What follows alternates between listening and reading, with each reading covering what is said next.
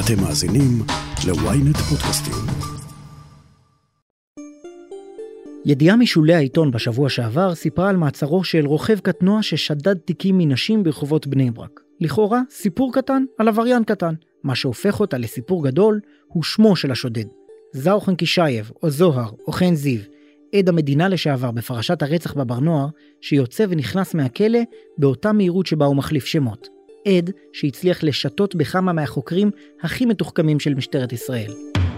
אני ישי שנרב, וזאת הכותרת.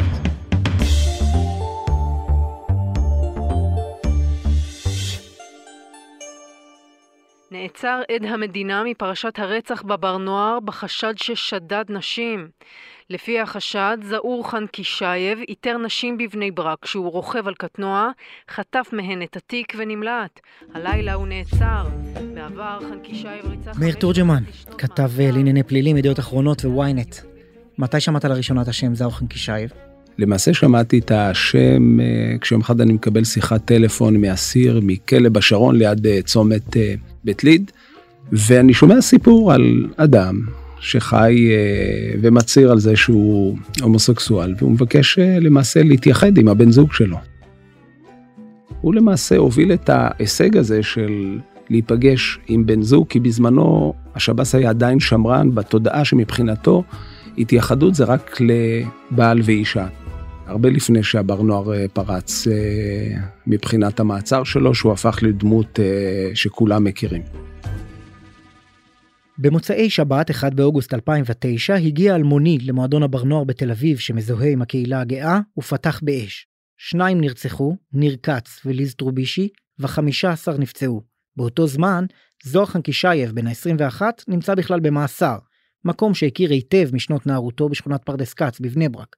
השכנים שלו הם משפחת פליסיאן, שבנה חגי היה החשוד ברצח עד שנוקה. כל המתחם הזה שם, חבר'ה של, אפשר לקרוא לזה בשוליים, ליד הפשע, בתוך הפשע, גנבות קטנות, שודים קטנים, אבל עדיין הם חיים בתוך התודעה, אם תזכור בשנות ה-90 המאוחרות, כנופיית פרדס כץ, כנופיית רמת עמידר, הם חיים בתוך עולם הפשע, זה מה שהם מכירים.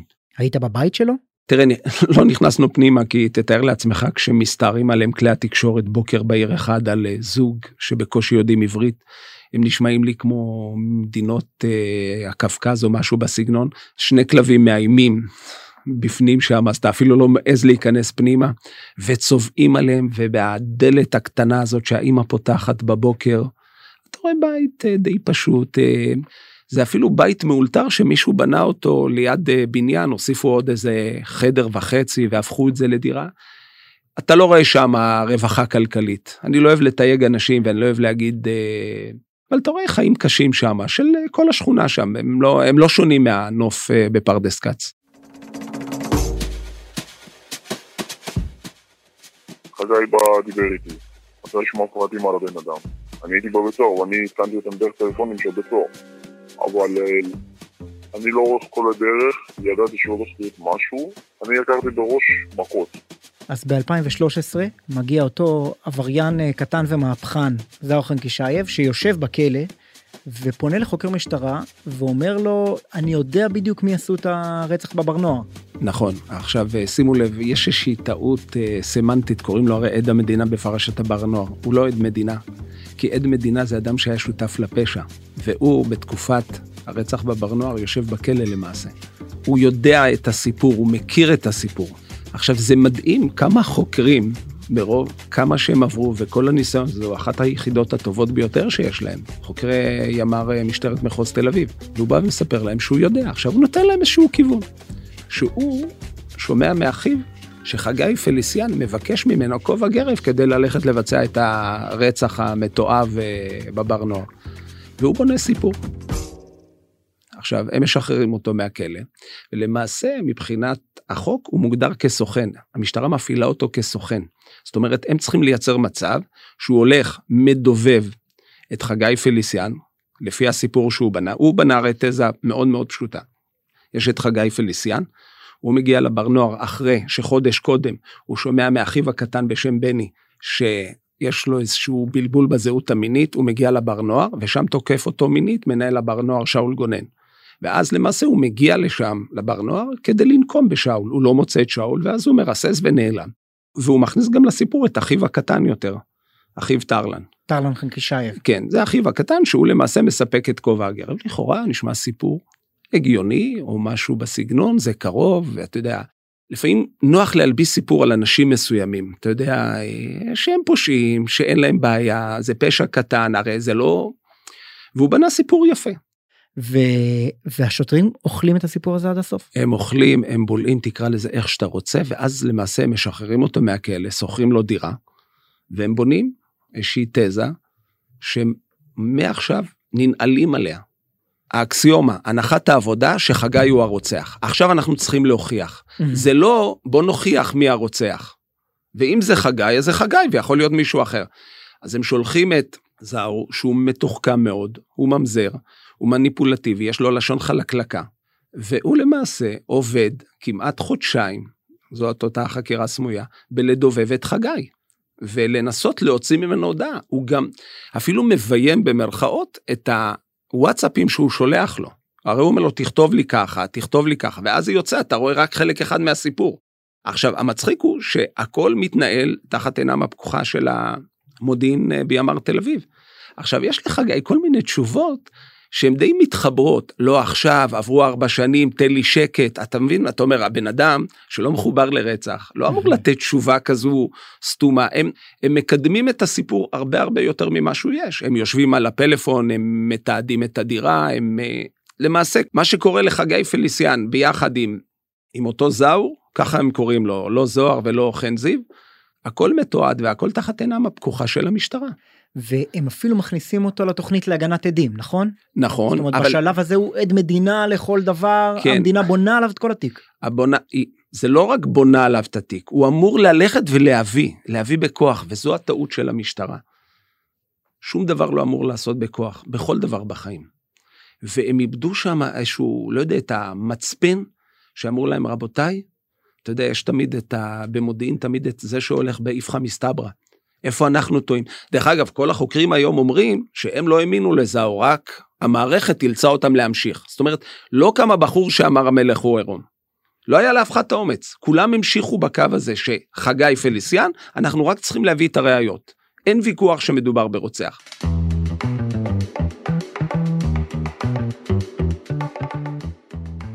תמיד באירועים כאלה יש מה שנקרא הצוות של איפכא מסתברא, זה בדרך כלל זה תמיד שואל את השאלות ההפוכות והקשות ביותר. אולי ואולי ואולי ואולי וכולי וכולי. זהו ניצב בדימוס אהרון אקסול, מי שהיה אז מפקד מחוז תל אביב במשטרה. היום אנחנו רגילים בדרך כלל באירועים שיש DNA, יש מצלמות, היום הכל מרושת, הכל כמעט, אה, כל פינה במדינתנו מרושתת, אם זה דרך אייפונים, דרך מצלמות, אם זה דרך איתורנים או כל אמצעי טכנולוגי אחר. באותה תקופה הטכנולוגיה לא בדיוק הייתה במיטבה כפי שהיא נמצאת היום, וגם אה, סוגיית הראיות בתיק הזה, זה לא שיהיה לנו DNA או משהו בסגנון הזה, זה ראיות יותר אה, לקשור ובחקירה, ולנסות לתפור את הכל, לא באמצעות טכנולוגים או פורנזים, מה שאנחנו רגילים בדרך כלל שיש באירועים כאלה, ולכן זה הרבה יותר קשה. ואני חושב שבראיות שעמדו בפנינו באותו רגע נתון, ומה שהוא נתן, זוהר שנתן את הגרסה שלו, והעימותים שעשינו. היה נכון באותו רגע להגיש כתב אישום, צריך לזכור בסופו של דבר שגם הפרקליטות עוברת על התיק עצמו, וגם היא משתכנעת מהראיות עצמם, שיש בסיס לכתב אישום. אבל לצערי הרב, כפי שאמרתי קודם, אה, בסופו של דבר הסתבר שהוא בדה חלק מהדברים, ולכן כל כתב האישום בסופו של דבר אה, בוטל. על גזר הדין לך, שלך? זה יכול להיות בהפתעות. מה זאת אומרת?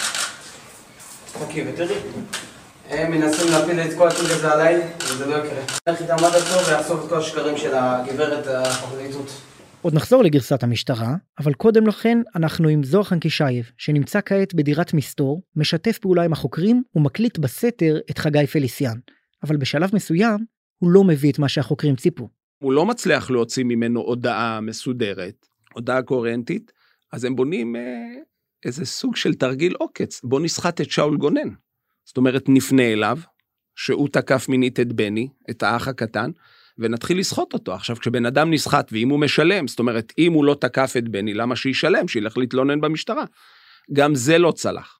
אין לי מושג מה קרה שם שזה עבר את כל הפילטרים שיש, וזה הגיע עד לרמת כתב אישום של מדינת ישראל נגד חגי פליסיאן, נאשם ברצח שני אנשים ופציעה של 11.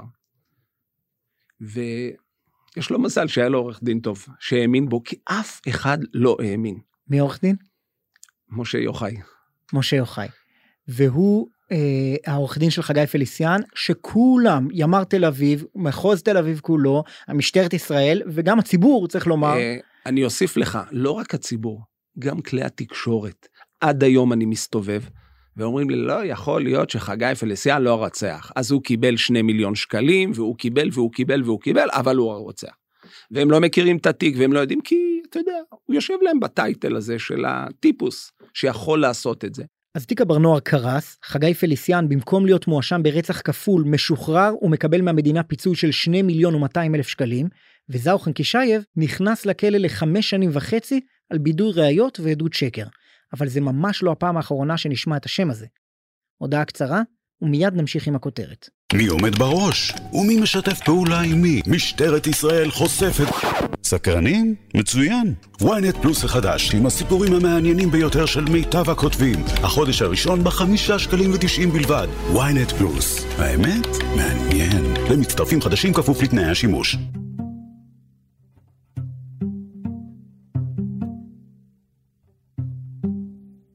אנחנו עם אהרון אקסול, מפקד מחוז תל אביב לשעבר, ואנחנו מנסים להבין מה השתבש לכם במפגש עם זאור חנקישייב. הרי קצת אחרי הרצח בבר נוער, בא ג'ק טייטל, המחבל היהודי, וטען, אני עשיתי את זה. הייתה לכם ממש הודעה. אבל מהר מאוד החוקרים הבינו שהוא ממציא. למה אצל חנקישייב זה לא קרה? כי הוא נתן לנו, קודם כל, קשר ישיר לבר נוער עם הדמויות שנמצאות שם, עם המעורבים הנמצאים, עם החשודים, עם מי שנפגע באירוע הזה, זאת אומרת, אה, יד המקריות בעניין הזה, לפחות בשלב הזה, היא נראתה מאוד מאוד מאוד רחוקה מה, מהעניין שזה מקרי.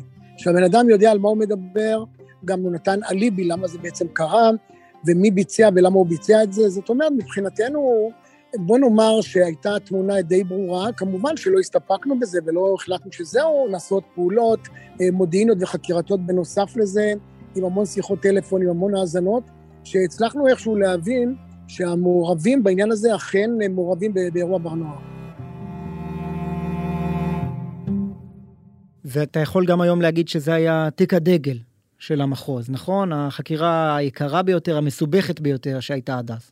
אני יכול לאשר, כן, זה תיק חקירה שאני חושב שכל מפקד מחוז שנכנס לתפקידו, גם לפניי וגם אחריי, זה תיק הדגל, זה תיק שעדיין, לצערי הרב, עדיין הוא יהיה דגל, זה תיק שהמשאבים שהושקעו בו למיטב ידיעתי, לא היה לו אח ורע, השקענו כל מה שאפשר, טכנולוגית, יומינית, כל, כל דבר אפשרי שרק צץ, לא היה שום בעיה, לא תקציבית ולא מבחינת הון האנושי, כל משאב שיכלנו רק להשקיע בעניין הזה, אנחנו השקענו.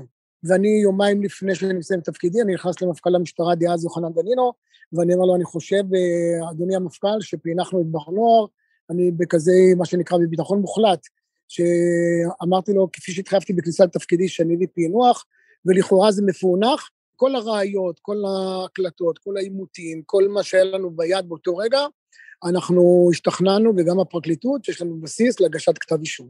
כלומר, אתה היום, כאזרח פרטי, מאמין שייתכן בהחלט שחגי פליסטיאן ביצע את הרצח הזה? אני לא יודע להגיד לך ייתכן או לא ייתכן, בוא נאמר ככה שהראיות בסופו של דבר היו ראיות בהחלט אה, שמצביעות עליו כמבצע, אבל ברמה העובדתית בסופו של דבר אין לו כתב אישום, אז מבחינתנו הוא זכאי לכל עניין ודבר כמו כל אדם אחר.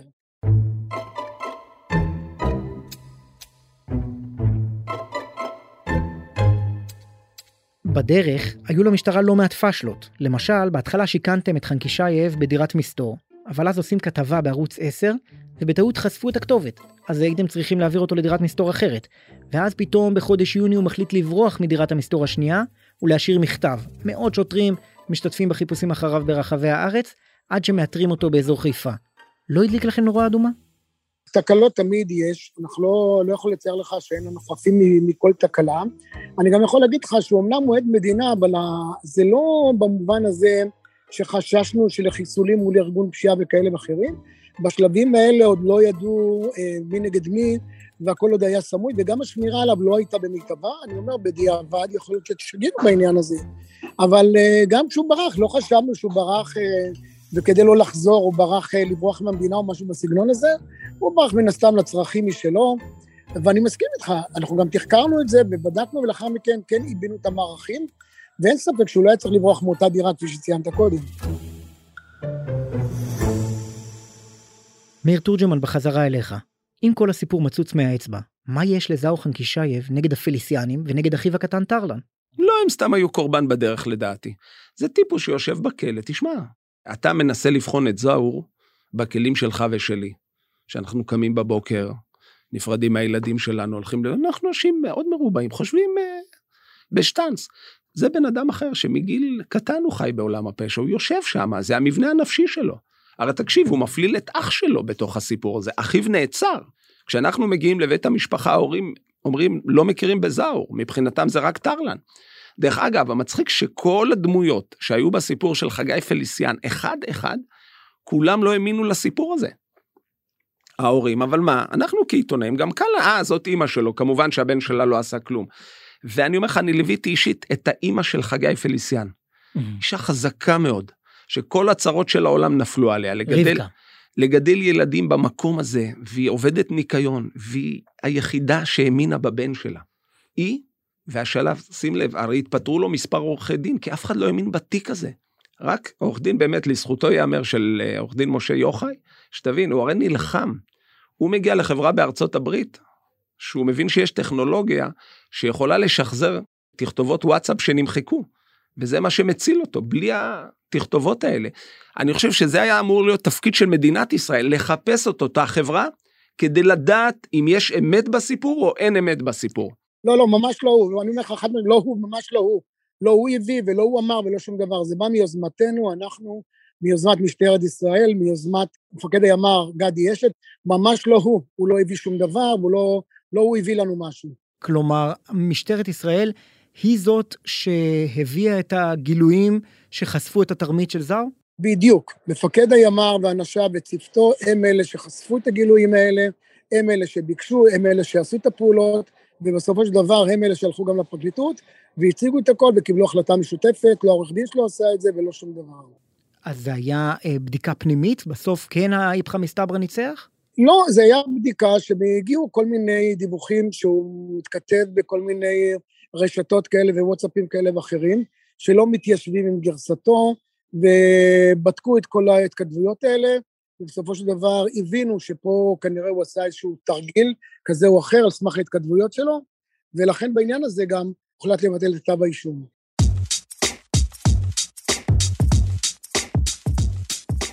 אז הרוצח האמיתי מהבר נוער עדיין מסתובב חופשי, אבל הסיפור של זאו חנקישייב ממשיך לצוץ פה ושם. בדצמבר 2020 הוא נעצר אחרי שצילם בסתר הומו בארון שקיים איתו יחסי מין, וסחט אותו. הוא ישב בכלא שנה ושוחרר. ממש בשבוע שעבר, כמו שהזכרנו קודם, הוא נעצר שוב. הפעם בחשד ששדד נשים בלילה בבני ברק. לא, לא מפתיע אותי. תראה, אדם כזה שהוא לא בדיוק, לא הבאנו אותו, שהוא עבד בדיוק על פרויקט החץ או פרויקט כיפת ברזל, והבאנו אותו להיות אצלנו מה שנקרא סוכן או עד מדינה. הוא כל חייו היה בעולם הזה, וזה לא מפליא בעולם הזה שאתה נמצא שם ולא חשבנו שאחרי, שהוא גם נשפט הרי אחרי זה למספר שנים בכלא, והוא יצא מהכלא וחוטף תיקים, זה עולמו. לא חשבנו שמחר בבוקר הוא הולך אה, להתעסק וללמוד רפואה סינית. ניצב ודימוס אהרון אקסול, תודה רבה לך. תודה גם לך. שאלה אחרונה, אמיר תורג'מן, ברשותך. מה הלקח המרכזי שלך כעיתונאי מכל הפרשה הזאת? קודם כל, לא להתאהב בשום סיפור, לגלות ספקנות, ולא להתבייש להגיד באמצע הדרך טעיתי, כי עדיף להגיד באמצע הדרך טעיתי, ולא בסוף הדרך עם כל הנזקים. כי הם היו צריכים המון המון להדביק מעצמם את הסיפור של זוהר חנקי ישעיו. תשמע, זה אחד הדברים, זה, איך אומרים, זו חקירה שהיא לא מוסיפה כבוד לאף אחד, אבל היא מוסיפה כבוד בסוף, בסוף, בסוף, למדינת ישראל שהיה לה את האומץ בפרקליטות להגיד, רבותיי, טעינו, אנחנו חוזרים בנו. מאיר תורג'מן, תודה רבה. בבקשה.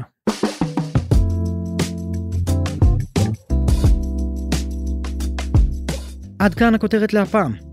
אתם מוזמנים לעקוב אחרינו בוויינט או איפה שאתם שומעים את הפודקאסטים שלכם. אם זה קורה באפל או בספוטיפיי, אתם מוזמנים גם לדרג אותנו ולהאזין לפרק נוסף שלנו על אתגרים של משטרת ישראל. חפשו את הפרק "למה המשטרה חולה". תודה לעורך הפודקאסטים רון טוביה, על התחקיר וההפקה אלי שמעוני, עריכה וארכיון עם גיא סלם, אני שי שנרב, ניפגש בפעם הבאה.